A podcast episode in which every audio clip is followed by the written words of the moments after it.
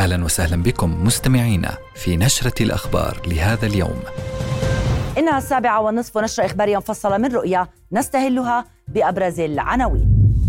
صفعة دبلوماسية الصفدي يقرع وزيرة خارجية الاحتلال السابقة ليفني ويؤكد أن الاحتلال لا يمكن مواصلة الالتفاف على الحقائق في الجبهة الداخلية شتي يؤكد أن حماس جزء من المشهد وأن الفلسطينيين لا يجدون شركاء سلام لتطبيق حل الدولتين. وفي قطاع غزة حرب موازية على المنظومة الصحية مستشفى الأمل تحت القصف ومجمع ناصر الطبي خارج الخدمة.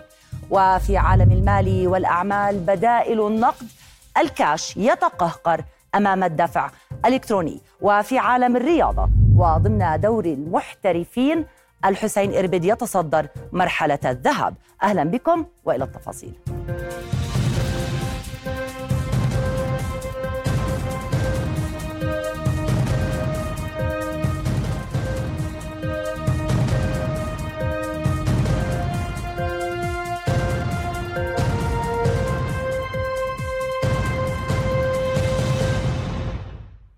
واجه رئيس الدبلوماسية الأردنية كيان الاحتلال بالحجج والبراهين مثبتا جرائمه بحق الفلسطينيين وخرقه للمعاهدات الدولية.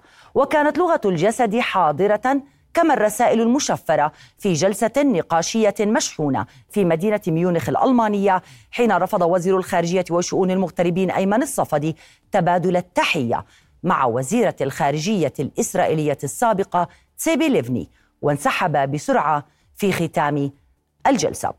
الصفدي ذكر المشاركين في مؤتمر ميونخ للأمن وسائر العالم بأن الاحتلال الإسرائيلي هو جذر المآسي في الأراضي الفلسطينية خصوصا في قطاع غزة الذي وصفه بسجن مفتوح منذ عقود واحتد السجال على هامش المؤتمر بين الأردن وإسرائيل حول الأوضاع الإنسانية المأساوية في قطاع غزة إذ شدد الصفدي على أن حكومة تل أبيب تجاهلت كل الحلول السياسية الممكنة.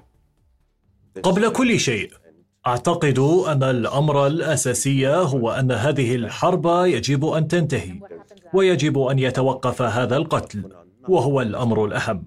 ولكن في الوقت الحالي لا يمكن أن يبرر استمرار تدمير سبل عيش مليوني شخص. لا يمكن أن يبرر هجوم المستشفيات.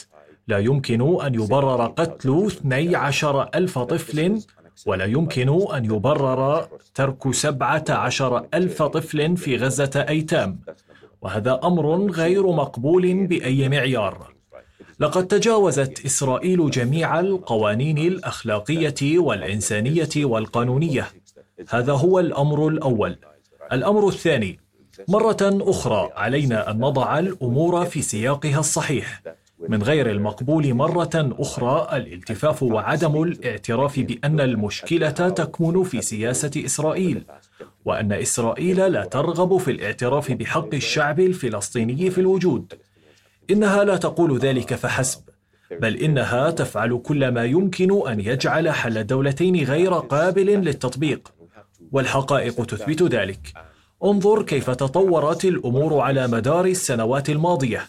لقد أغلقت إسرائيل كل أفق للسلام وقامت بتجريد الفلسطينيين من إنسانيتهم. لم يعد هناك ما يمكن أن نقدمه للفلسطينيين. هذه حقيقة وعلينا أن نقبلها. وعندما نتحدث عن حماس فماذا عن إرهاب المستوطنين في الضفة الغربية؟ عندما يهاجمون قرى فلسطينية. في الواقع قامت إسرائيل بتسليح المستوطنين وقتلوا اطفالا فلسطينيين أمس. السبب الجذري للمشكلة هو أن هناك احتلالا لا ترغب الحكومة الإسرائيلية حتى في الاعتراف به. الصفدي ذكر بالسياق التاريخي لممارسات الاحتلال لافتا إلى أنها لا تقتصر على غزة المعزولة عن العالم قبل السابع من أكتوبر وطالب بتكثيف الجهود لوقف التداعيات الكارثية للحرب على القطاع وضمان حماية المدنيين. سأقول لكم أن ما هو مطروح على الطاولة هو سلام كامل. تلك هي مبادرة السلام العربية لعام 2002 وما زالت مطروحة على الطاولة. علاقات طبيعية كاملة سلام كامل وقبول كامل. لكن ذلك لا يمكن أن يحدث دون إنهاء الاحتلال وإعطاء الفلسطينيين حقوقهم. لا يمكننا أن نحل الصراع إلا إذا أدركنا أن هناك خمسة ملايين فلسطيني تحت الاحتلال أصبحت حياتهم محتجزة. لنتحدث عن غزة الآن وعن صفقة الرهائن. إسرائيل تحتجز مليوني فلسطيني كرهائن في غزة ولم تنهي احتلالها للقطاع. لقد كانت غزة سجنا مفتوحا حتى قبل السابع من تشرين الأول أكتوبر وكانت غزة محاصرة. الآن في الأيام العشرة الماضية هل تعلم أنه تم السماح بدخول 43 شاحنة فقط من الإمدادات إلى غزة؟ ولم يتم توزيع تلك الشاحنات لأن إسرائيل قتلت حراسة الشرطة التي كانت تحمي تلك الإمدادات. لذلك الناس يتضورون جوعا. هناك نصف مليون شخص في غزة الآن يعيشون المجاعة. مرة أخرى فيما يتعلق بصفقة الرهائن أنا متأكد من أنكم سمعتم رئيس الوزراء القطري. يقول إن من يريد التوصل إلى اتفاق لا يبتعد عن المفاوضات. لقد انسحبت إسرائيل من المفاوضات.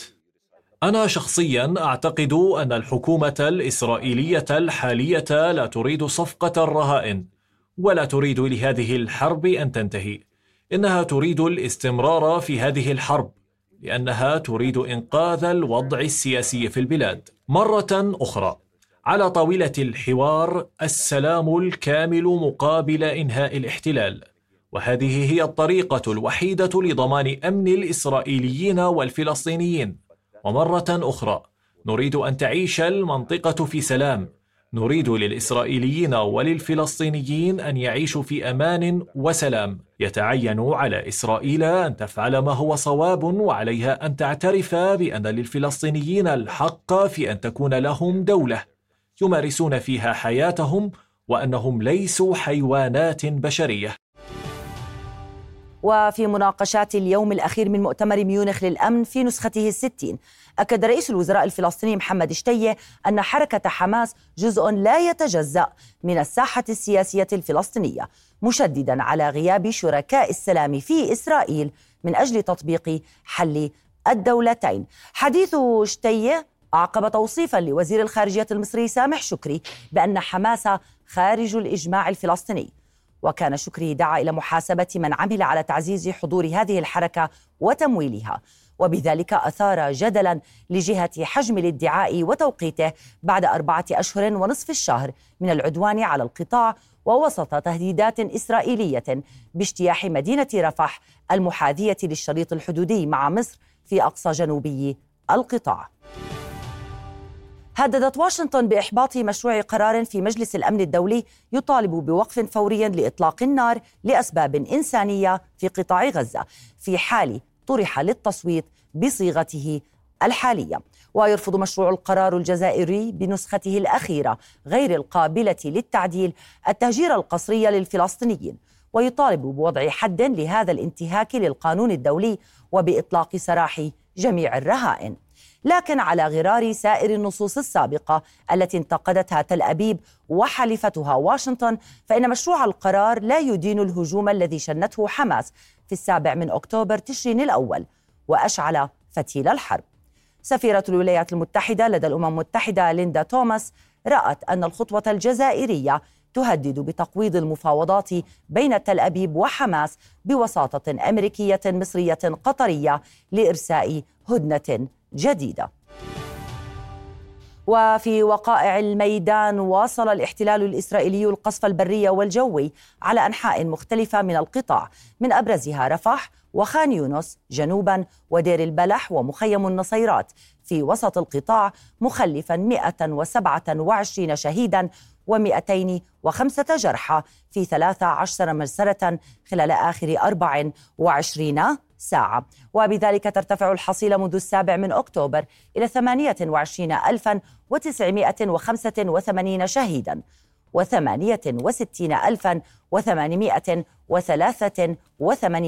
جريحة ونبهت وزارة الصحة في القطاع إلى أن عددا كبيرا من الضحايا ما زالوا تحت الركام وفي الطرقات إذ يمنع الاحتلال وصول طواقم الإسعاف والدفاع المدني إليهم.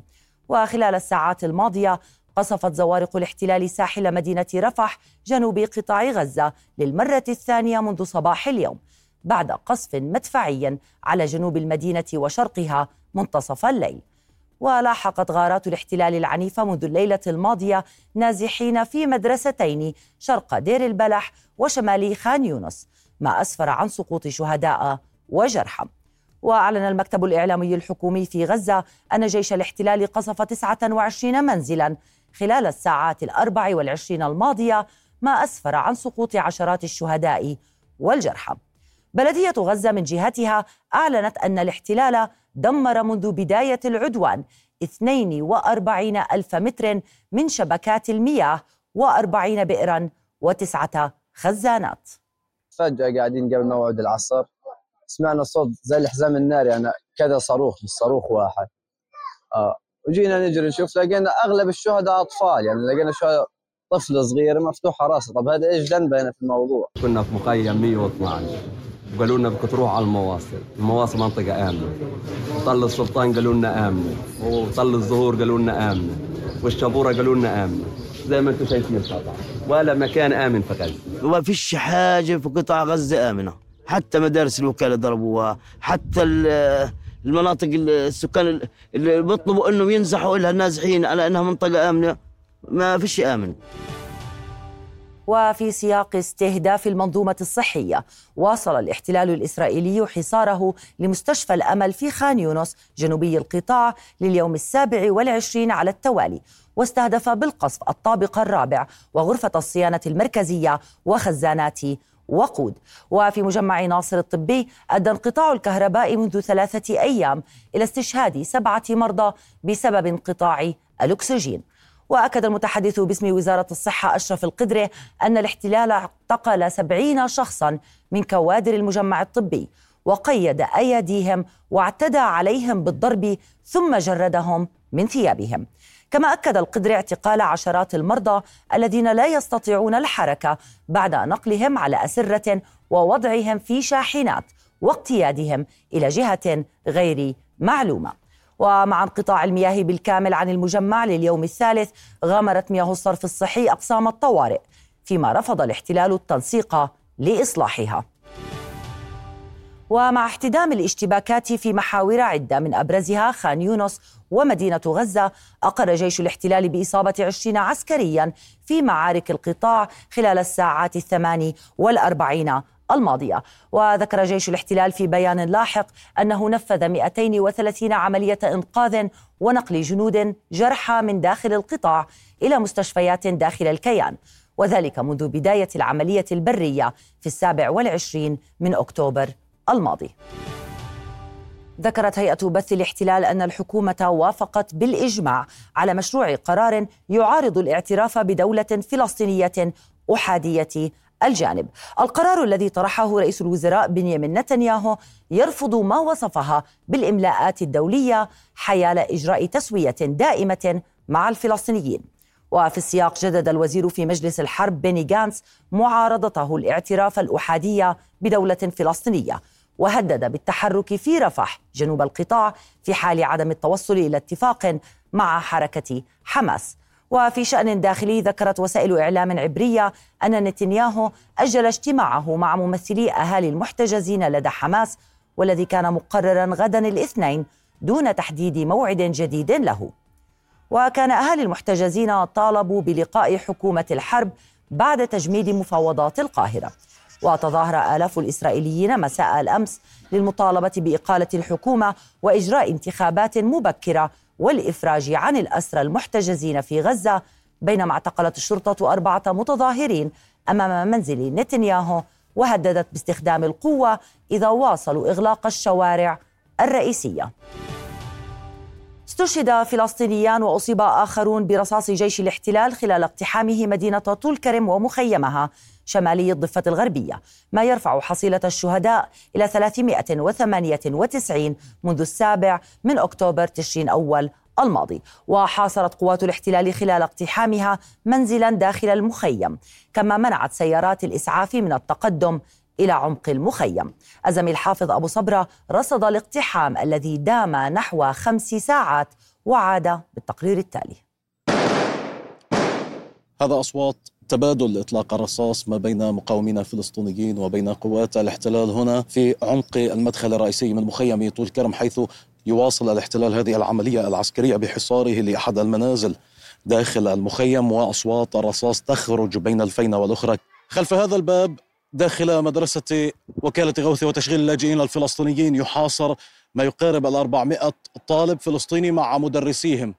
تزامن اقتحام الاحتلال لمخيم طول كرم مع وجودهم على مقاعدهم الدراسية. هذه الأصوات الخارجة من داخل المدرسة هي أصوات الطلبة الخائفين. جراء أصوات الاشتباكات المندلعة في أكثر من موقع في محيط المخيم وفي داخل أزقته وجراء الانفجارات المتتالية. هذا انسحاب لبقية الآليات العسكرية التي نفذت اقتحامها هنا في مخيم طول كرم.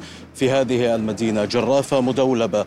رفقة مجموعة من الجبات العسكرية تنسحب من المخيم وعلى ما يبدو أنه إعلان لانتهاء هذه العملية العسكرية التي بدأت منذ ما يقارب الخمسة ساعات.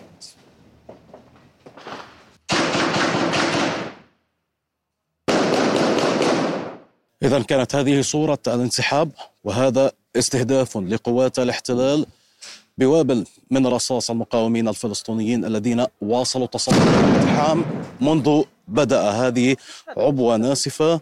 جرى استهداف الاحتلال من خلالها خلال عملية انسحابه من هنا من مخيم طول كرم. بعد انتهاء هذه العملية العسكرية من مخيم طول كرم في مدينة طول كرم شمال الضفة الغربية المحتلة حافظ أبو صبرة رؤية. الصفحة الاقتصادية تأتيكم بعد فاصل قصير ابقوا معنا.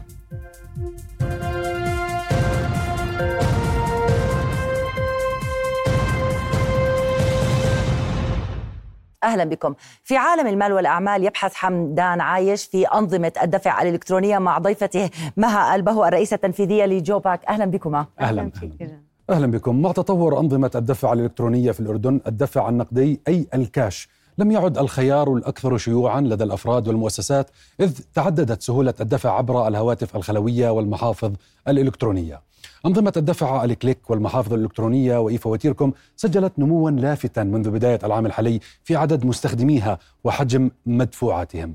هذا التطور ناقشه مع ضيفتنا في الاستوديو مها البهو الرئيس التنفيذي للشركة الأردنية لأنظمة الدفع والتقاص JoPACC. أهلا بك سيدتي. أهلا فيك. قبل أن نبدأ إيه، حوارنا لنستمع إلى رأي المواطنين حول استخدام إيه، وسائل الدفع الإلكترونية. أكثر وسيلة بيستخدموا عندي أنا الكاش طبعا وهلأ حاليا كان قبل عندي فيزا وبعدين صار شوي شوي العالم تتقبل فكرة الكليك أسرع. عرفت علي كيف؟ وطبعا مش كل العالم معها كليك ما بتعرف تستخدم ال application عرفت علي كيف؟ وناس بتيجي من برا برضه كمان تستخدم الفيزا لأنه ما معهم كليك في الأردن. فاكثريه الناس اللي بتيجي من برا بتستخدم الفيزا. أكثر شيء الكليك. بس. والمحافظ الثانية. بس هو الكليك أسهل شيء على الخلوي يعني. كليك يعني أكثر من كاش. طب ليش تستخدم أسرع وأحسن ما يظل كاش بالجيب ويضيع. لا والله كاش. شو السبب؟ آه يمكن الجيل الجديد يعني مع التكنولوجيا أكثر من جيلنا. الكليك كله على كليك. هلا الأيام هاي كل الزباين قاعدة بتطلب كليك. قليل الزباين صارت تستعمل كاش كلها بتطلب محفظة. نعود ترحب بك ست مها البهو يعني كما لاحظنا في هذا التقرير يعني قبل أن نبدأ يعني ما رأيك بهذا التقرير وآراء يعني الناس؟ أنا سعدت كثير إنه أسمع ألاقي ناس بتفضل كليك على الكاش وهذا هو الهدف الرئيسي من إيجاد هاي المنظومة. واللي لاحظته كمان إنه مش فعليا كبار السن لا ما بيستخدموه. لا بيستخدموه أحد المواطنين. برضه بفضل كليك على نعم. يعني كما سمعنا هناك إقبال على استخدام خدمة كليك. وفي الشهر الأول من العام الحالي ارتفع عدد المستخدمين تقريبا 5% وكذلك قيمة المدفوعات أيضا مقارنة بالشهر الأخير من العام الماضي. رأيك في هذا الموضوع؟ هلا في نمو نحن عمالنا بنلاحظه بشكل عام نمو مستدام. يعني تقريبا شهريا 5% 7% السنة الماضية النصف الأول من العام يعني بحدود أول أربع شهور من السنة 300% زادت حركات كليك.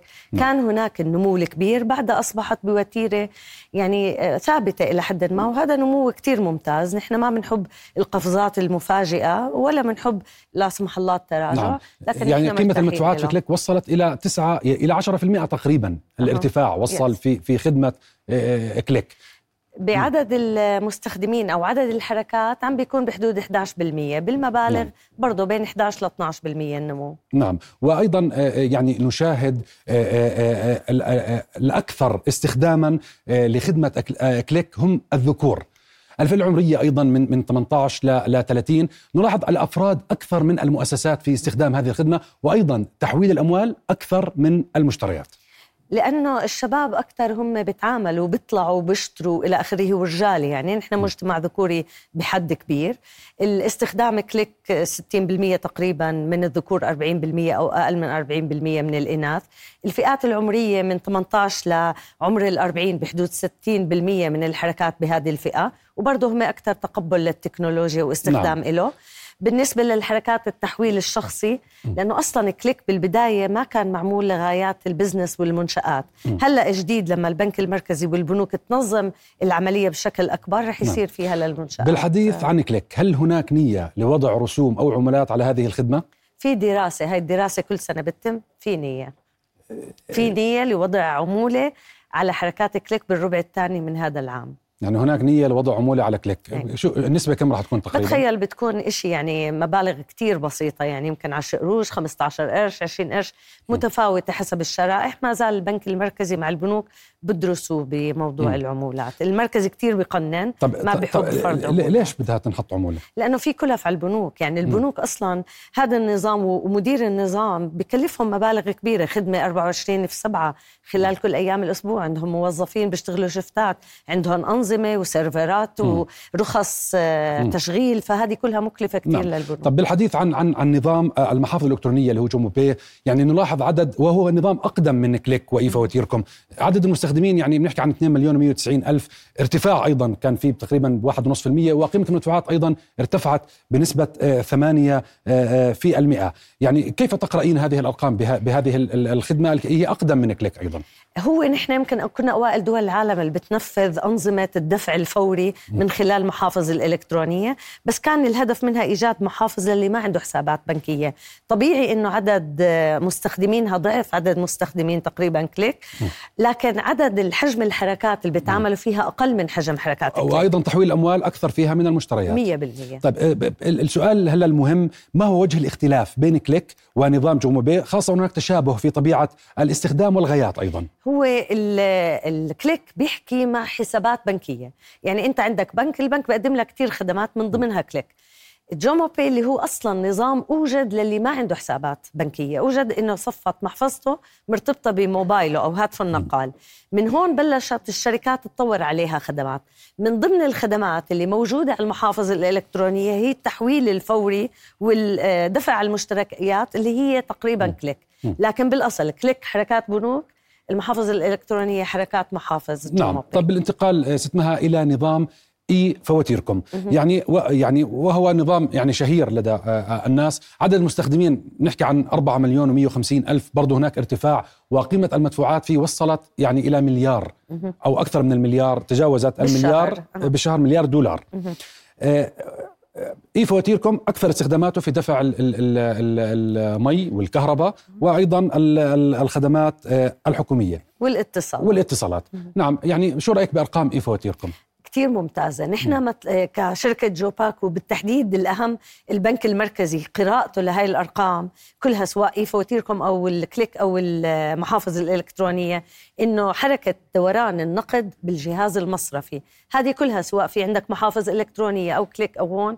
الحركة هاي الآمنة وكمان إي فواتيركم هو فوري يعني أنت بتدفع نفس الفورة. نعم. فوريا. فالثلاث أنظمة فورية ثلاث أنظمية المنظومة الثلاث أنظمة منظومتها بنك تو بنك البنك المركزي هدفه تكون النقود داخل المنظومة المالية والمصرفية للأمان فيها للرقابة لدوران النقد نعم. وأثره على عجلة ب- بشكل. سريع يعني في ظل هذا التطور ما هي الصعوبات التي تم رصدها وكيف يتم التعامل مع في حالة سوء الاستخدام أو الاحتيال بشكل عام هي الاحتيال ما بيتم الحمد لله مم. الأنظمة آمنة لأبعد الحدود ودائما أنا بتباهى إنه البنك المركزي ما بهمه هون قد إيه كلفة الحماية كلفة الحماية مهما كانت هو بس سخي بالصرف عليها لكن الأمان هو الأصل نحن كل الاحتيال بصير لأنه أنا ممكن أعطي البين كود تبعي لحدا تاني أعطي جهازي لحدا وهذا الحدا يروح يطلع عليه حركات نعم. هو خطأ بشري نعم. ونحن معنا يعني الأجهزة الأمنية دائما برصدوا بتابعوا نعم. بعناية كثير فائقة نعم. والبنك المركزي بس ما ما بنقدر نقول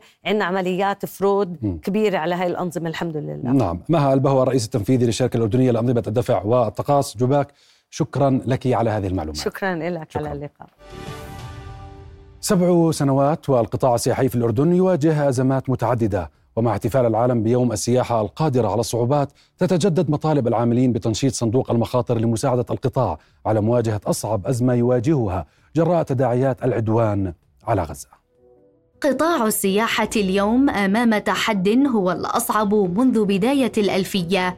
وذلك إثر تداعيات العدوان على قطاع غزة مع تراجع كبير في نسب الإشغال الفندقي التي لامست الصفر في الشهرين الماضيين بعد أن كانت تتجاوز الخمسة والثمانين في المئة قبل العدوان وفق جمعية الفنادق الأردنية. مر القطاع السياحي بسبع أزمات. إلا أنه الحمد لله يعني القطاع السياحي بمرض بس ما بموت. والآن إحنا خوفنا على الموسم القادم كونه إحنا سياحتنا موسمية. سياحتنا بشهر ثلاثة وشهر أربعة وخمسة. سياحة الموسم الثاني شهر تسعة وعشرة وأحداش للأسف الموسم ال- ال- السابق اللي هو كان بشهر عشرة وأحداش آه، انخفضت نسبة السياحة بشكل ملموس. شهر ثلاثة وأربعة اليوم ما في أقبال على الحجوزات في عن الأردن. وفي هذه الأيام يحتفل العالم بيوم السياحة القادره على الصمود فيما علت أصوات العاملين المطالبة بإجراءات حكومية تسهم في إنقاذ القطاع نأمل أيضا من خلال هذا الاختيار واختيار هذا اليوم أن تنتبه الأردن لسرعة إنجاز صندوق المخاطر الذي سيدعم القطاع في حال حصول أي مشاكل في المستقبل. يحتاج الأردن لتخطي مشاكله والصمود أمام القطاع أمام المشاكل التي قد يواجهها. صندوق لدعم المخاطر السياحية. صندوق يقوم على دعم القطاعات في حال وجود أي معيقات.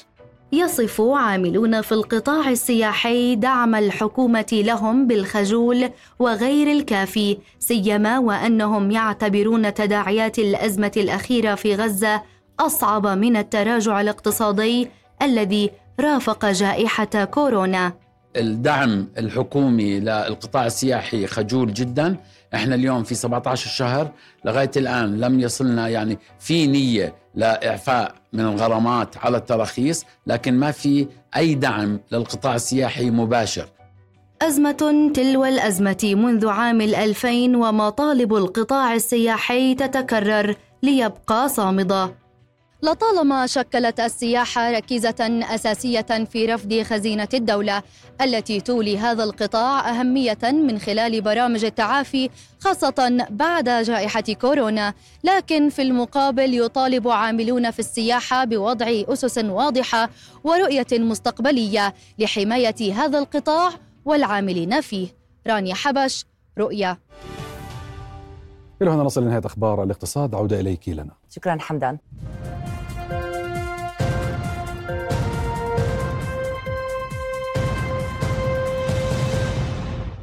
نعى الديوان الملكي الهاشمي والد صاحبة السمو الملكي الأميرة رجوى الحسين المرحومة بإذن الله خالد بن مساعد بن سيف بن عبد العزيز آل سيف.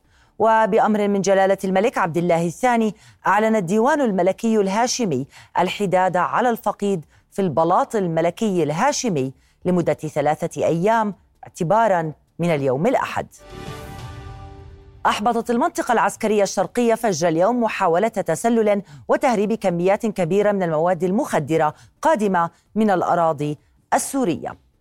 ووفقا لمصدر عسكري مسؤول في القيادة العامة للقوات المسلحة فقد أسفرت العملية عن مقتل خمسة من المهربين وإصابة أربعة آخرين وضبط كميات كبيرة من المخدرات جرى تحويلها إلى الجهات المختصة.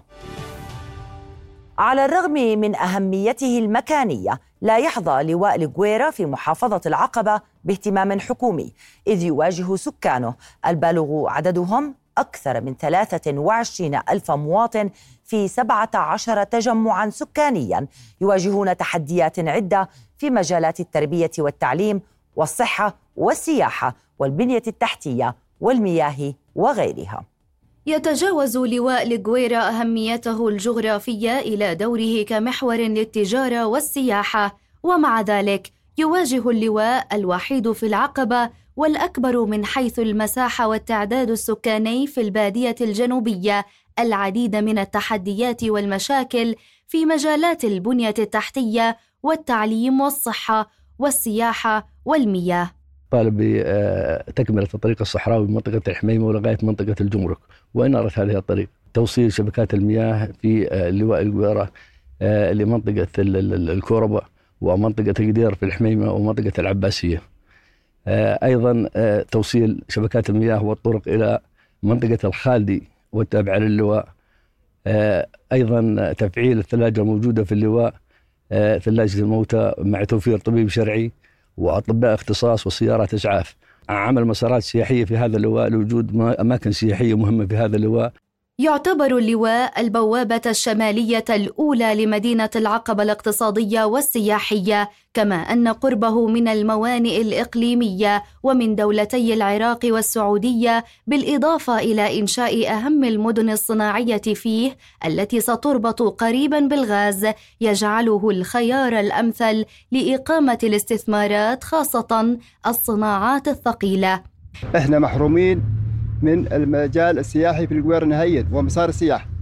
في جمعيات عندنا ولكن مسار سياحي محرومين منه نهائيا. إحنا كالمركز في القويرة عندنا مناطق سياحية وبدنا المسار في السياحة اللواء في حاجة مديرية تربية وهذا الصراحة انوعدت فيه المديرية من السابق من معالي الوزير ولكن لغاية الآن لم يحصل شيء. لواء القويرة بحاجة إلى بنية تحتية. يعني شارع الوسط عندنا صار نطالب فيه تقريبا عشر سنوات ولغاية الآن لم يعني يشوف النور. الشيء الثاني إحنا يعني تقريبا عندنا 17 قرية وبحاجة إلى مديرية تربية تخدم أبناء البادية الجنوبية. يفتقر للبنية التحتية ويحتاج إلى المزيد من مشاريع التنمية منها استكمال وصلات الطريق الصحراوي باتجاه الجويرة من منطقة الحميمة إلى منطقة جمرك اليتم وإنارتها وإيجاد مسارات سياحية واستكمال البنية التحتية بالإضافة إلى دعم القطاع الشبابي والتربية والتعليم وإيصال المياه إلى المناطق وتوفير المتطلبات الصحية وهي أبرز مطالب أبناء اللواء. الصفحة الرياضية بعد فاصل قصير ابقوا معنا.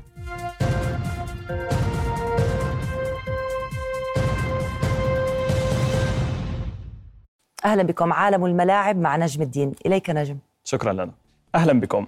عادت الحياة من جديد إلى الدوري الأردني للمحترفين بإقامة مواجهتي الحسين إربد والوحدات والفيصلي مع شباب العقبة والتي استثمرها الحسين للانفراد بصدارة الترتيب مع نهاية مرحلة الذهاب. المزيد من التفاصيل في التقرير التالي.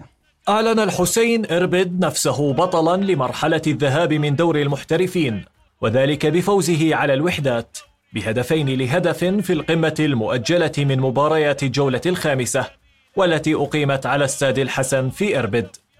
المواجهة شهدت الظهور الأول للجهاز الفني للحسين إربد بقيادة جمال محمود والأمر ذاته ينطبق على الوحدات بقيادة أمجد أبو طعيمة وابتسمت المباراة مبكرا للحسين من هدف رائع لمحمود مرضي أعاد تألقه في كأس آسيا للذاكرة.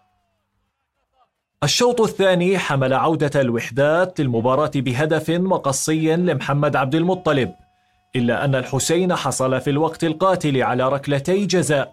أهدر الأولى عبد الجليل أجاجون قبل أن يسجل ناثان الركلة الثانية ليهدي فريقه الفوز.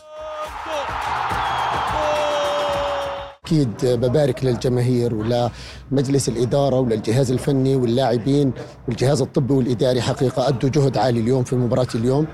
أكيد الحمد لله رب العالمين ربنا أكرمنا ووفقنا.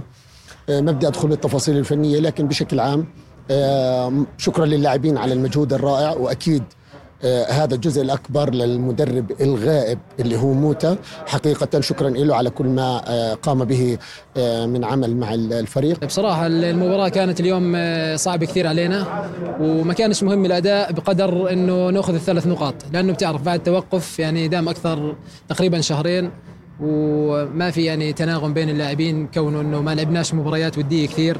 في المباراة الأخرى المؤجلة من الجولة ذاتها تعادل الفيصلي وشباب العقبة سلبيا في نتيجة أحبطت جماهير الفيصلي التي كانت تطمح بعودة فريقها للمنافسة بصورة أفضل. كان طموحنا أحسن صراحة لكن ظروفنا إحنا مش زي اللي عندي إحنا ممنوعين من التسجيل من بداية الموسم. ما قدرنا نحصل أي لاعب جديد وحتى من المرحلة هاي لحد الآن بالنسبة للظروف اللي إحنا إحنا ماشيين بخطى جيده يعني نوعا ما. بالنسبة للمباراة مباراة صعبة كانت إحنا عارفين مع الفيصلي إنها كانت صعبة ونقطة جيدة الحمد لله يعني. وبهذه النتائج انفرد الحسين بصدارة الترتيب بإحدى وثلاثين نقطة ويأتي الوحدات وصيفا بثلاث وعشرين فيما يحل الفيصلي ثالثا بإحدى وعشرين. أما العقبة فقد انفرد بالمركز الخامس بوصوله للنقطة الرابعة عشرة. أعلن حارس مرمى المنتخب الوطني الأول لكرة القدم أحمد الجعيدي فسخ عقده مع نادي شباب الأردن اليوم الأحد. وكشف الجعيدي أن الرحيل عن النادي كان بناء على طلب شخصي منه موجها شكره لإدارة النادي دون الحديث عن وجهته المقبلة. ويحمل الجعيدي إشارة قيادة المنتخب الأولمبي كما ظهر في قائمة منتخب النشامة خلال بطولة كأس آسيا الأخيرة. أقيمت لأول مرة في محافظة الكرك بطولة كرة قدم للسيدات وتأتي ضمن فعاليات مبادرة ركلة إحدى مبادرات مشروع مركز قلعة الكرك لتعليم كرة القدم للفتيات في المحافظة. وتأتي هذه المبادرة تحت مشروع المساواة بين الجنسين في الرياضة وبمشاركة 25 فتاة بهدف كسر الصورة النمطية في المحافظات بأن كرة القدم للذكور فقط خصوصا مع وجود منتخب وطني نسوي جيد كما تستهدف البطولة رفع ثقة الفتيات بأنفسهن.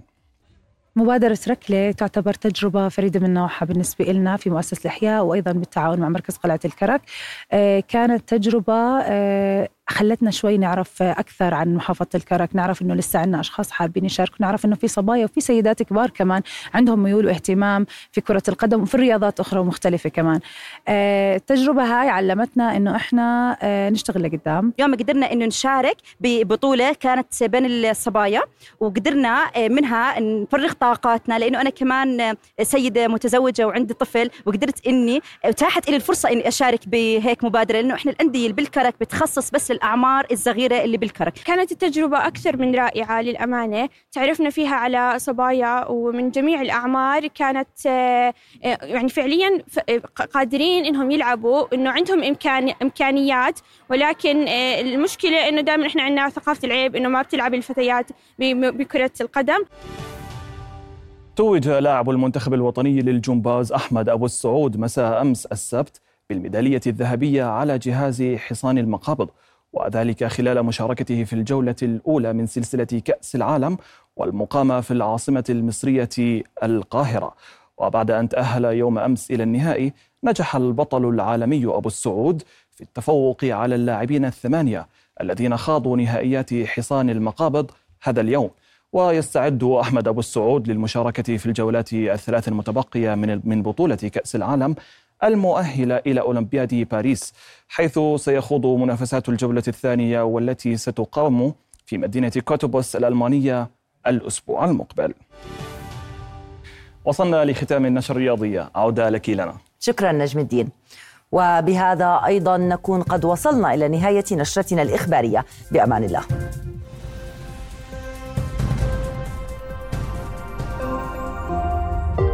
رؤيا بودكاست.